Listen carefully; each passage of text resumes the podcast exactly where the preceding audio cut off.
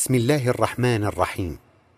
الحمد لله رب العالمين والصلاة والسلام على سيدنا محمد رسول رب العالمين وعلى آله وأصحابه أجمعين. مستمعي الأكارم السلام عليكم ورحمة الله وبركاته. نتابع اليوم ما كنا قد بدأناه في الحلقات السابقة من شرح لمعاني السبع المثاني. في الحلقة السابقة شرحنا شطرا من الآية الخامسة من فاتحة الكتاب. ألا وهو كلمة إياك نعبد. والآن سنتابع تأويلنا للآيات الكريمة من هذه السورة فنقول وبالله المستعان. لا ريب أننا توسعنا في شرح هذه الكلمة توسعا ملحوظا. لكنه في الحقيقة يبقى ضمن إطار هذه الكلمات. أما وقد شرحت لك ما شرحت وعرفتك بما عرفتك به فلا تحسبن أني بشرحي كلمة إياك إنما أغير معالم اللغة وأحور ألفاظها وأضعها في غير ما وضعت له وما تعارف الناس عليه. فإنك إذا صليت هذه الصلاة التي هي كلها وجهة إلى الله واستغراق في شهود كماله ورفقة تامة لرسوله الكريم صلى الله عليه وسلم وتلك الرفقة النفسية للنفس العلية المحمدية هي عين الشفاعة. شفاعة نفس لنفس سامية وإقبال بمعيتها على الحضرة الإلهية. وارتشاف للكمالات من حضرة الله وشفاء من الميول الدنية. فإذا فهمت هذا حق الفهم وعرفت أن اللفظ الواحد تنطوي تحته معان جمة اندرس كثير منها وانمحت معالمه لدى الناس ولم تبق لديهم من اللغة إلا أطلال وآثار. حتى أصبحوا في حال لا يفرقون معه بين معنى كلمتي الرب والإله أو الرحيم والرحمن أو الحمد والشكر أو الروح والنفس أو العقل والفكر. ولا يدركون معنى الصلاة والصيام والحج والزكاة وغير ذلك من أوامر. ومن يؤمن بالله يهد قلبه. ويجعل له نورا يسير به. قال تعالى في سورة الحديد يا أيها الذين آمنوا اتقوا الله وآمنوا برسوله وآمنوا برسوله يؤتكم كفلين من رحمته ويجعل لكم نورا تمشون به ويغفر لكم والله غفور رحيم. يا أيها الذين آمنوا اتقوا الله ولكن يجب أن تقبلوا بصحبة رسول الله صلى الله عليه وسلم على الله. كي تحصل التقوى. ثم يتابع المصلي القول فيقول وإياك نستعين. ويتناوب على نفسه أيضا في هذه الكلمة الحالان اللذان مر بهما من قبل في كلمة إياك نعبد. فيجعله خطابه لرسول الله صلى الله عليه وسلم بكلمة إياك في حال المرتبط بنفسه الشريفة صلى الله عليه وسلم المستشفع به إلى الله. وتجعله كلمة نستعين في حال الملتفت إلى الله تعالى الداخل عليه بمعية رسوله. يقول هذه الكلمة بلسانه معترفا في نفسه بأنه لولا هذا الارتباط بهذا الرسول الكريم والاعتصام به وبنوره الموصل لنور الله لما غدا أهلا لأن يدخل على الله ويستعين به. وأنت ترى من خلال ما شرحناه عن كلمه إياك نعبد وإياك نستعين أن المصلي بهذه الكلمة إنما يصبح في حال يرى نفسه فيه أنه داخل على الله بمعية رسوله صلى الله عليه وسلم. عابدا مستعينا. كوافد وفد بصحبة رئيس له حظوة وزلفى لدى ملك عظيم. وإذا حصلت لهذا المصلي تلك الحظوة والمكانة من الدخول في حضرة هذا الإله العظيم فما ذاك إلا بفضل صحبة رئيس هذا الوفد. وإن شئت فقل بفضل هذا الرسول الكريم صلى الله عليه وسلم. والآن نستمع إلى رسول الله صلى الله عليه وسلم رئيسا لهذا الوفد. يتكلم بلسانهم جميعا مخاطبا رب العالمين فيقول وقد اندمجت نفوسهم معه ولسان حالهم ينطق بما ينطق به رئيسهم فيقول اهدنا الصراط المستقيم. صراط الذين أنعمت عليهم غير المغضوب عليهم ولا الضالين.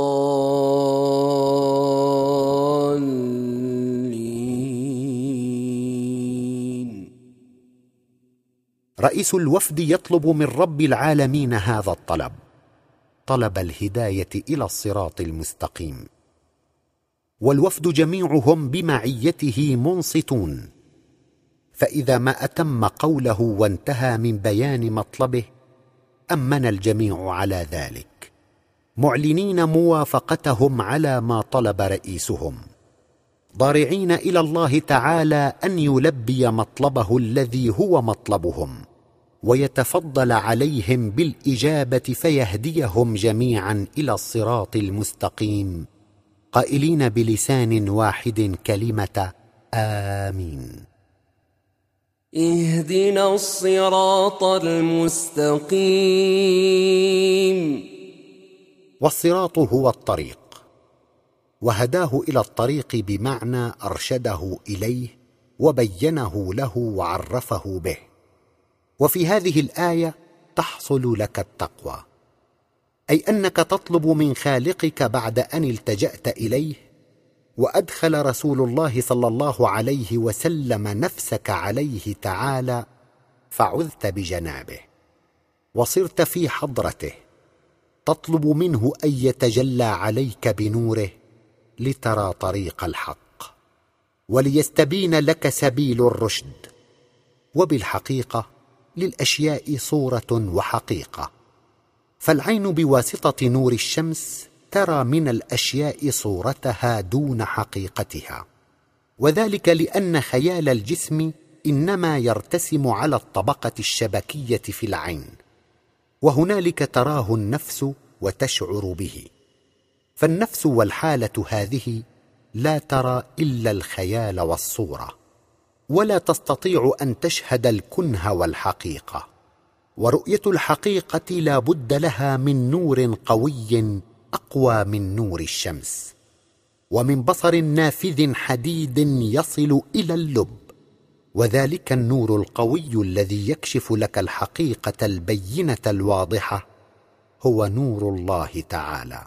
وذلك البصر الحديد إنما هو النفس بذاتها وكليتها مجردة عن كل حجاب يحجبها.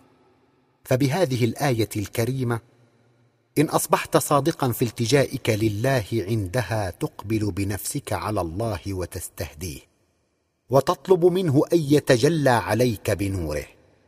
فإذا صدقت في توجهك وطلبك حقا فهنالك تحصل لك التقوى.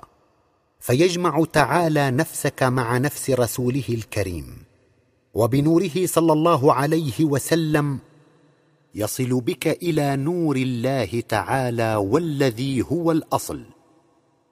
ويكشف لك هذا النور الإلهي حقيقة الأشياء فتميز خيرها من شرها.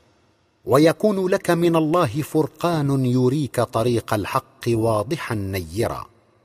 قال تعالى في سورة الحديد يا أيها الذين آمنوا اتقوا الله وآمنوا برسوله وآمنوا برسوله يؤتكم كفلين من رحمته ويجعل لكم نورا تمشون به ويغفر لكم والله غفور رحيم. فهذا النور الإلهي يضيء للنفس طريق الحق ويريها الخير من الشر.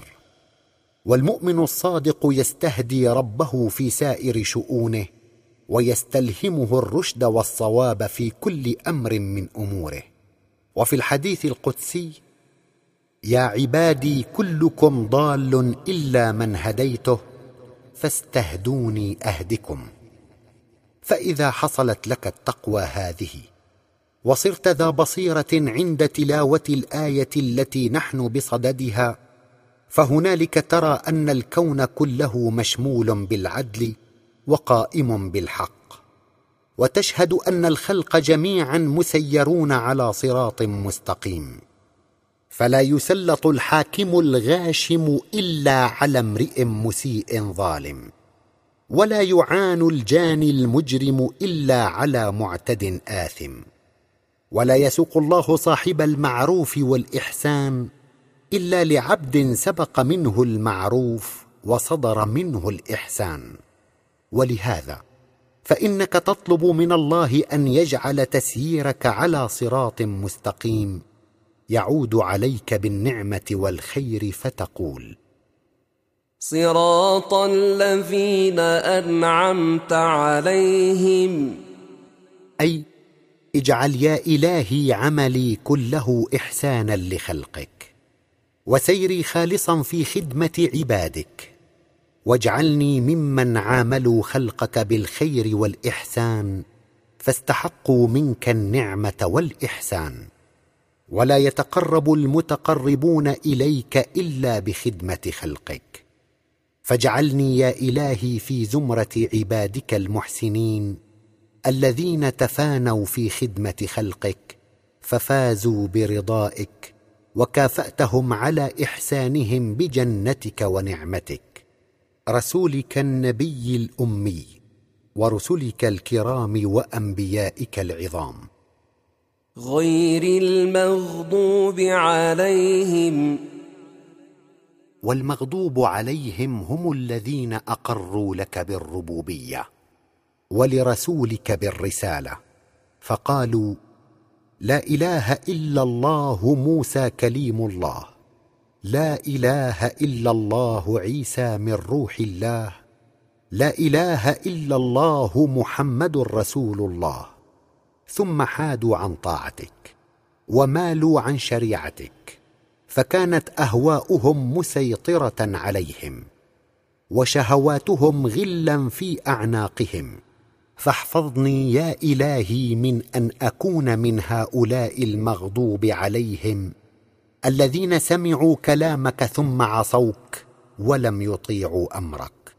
فكانت معاملتهم لعبادك مشحونة بالمكر وملأى بالأذى والشر وحل عليهم غضبك ونزل بهم سخطك لأنهم حرموا أنفسهم مما أعددته لهم من الفضل والخير وخسروا ما هيأته لهم من النعيم المقيم. ولا الضالين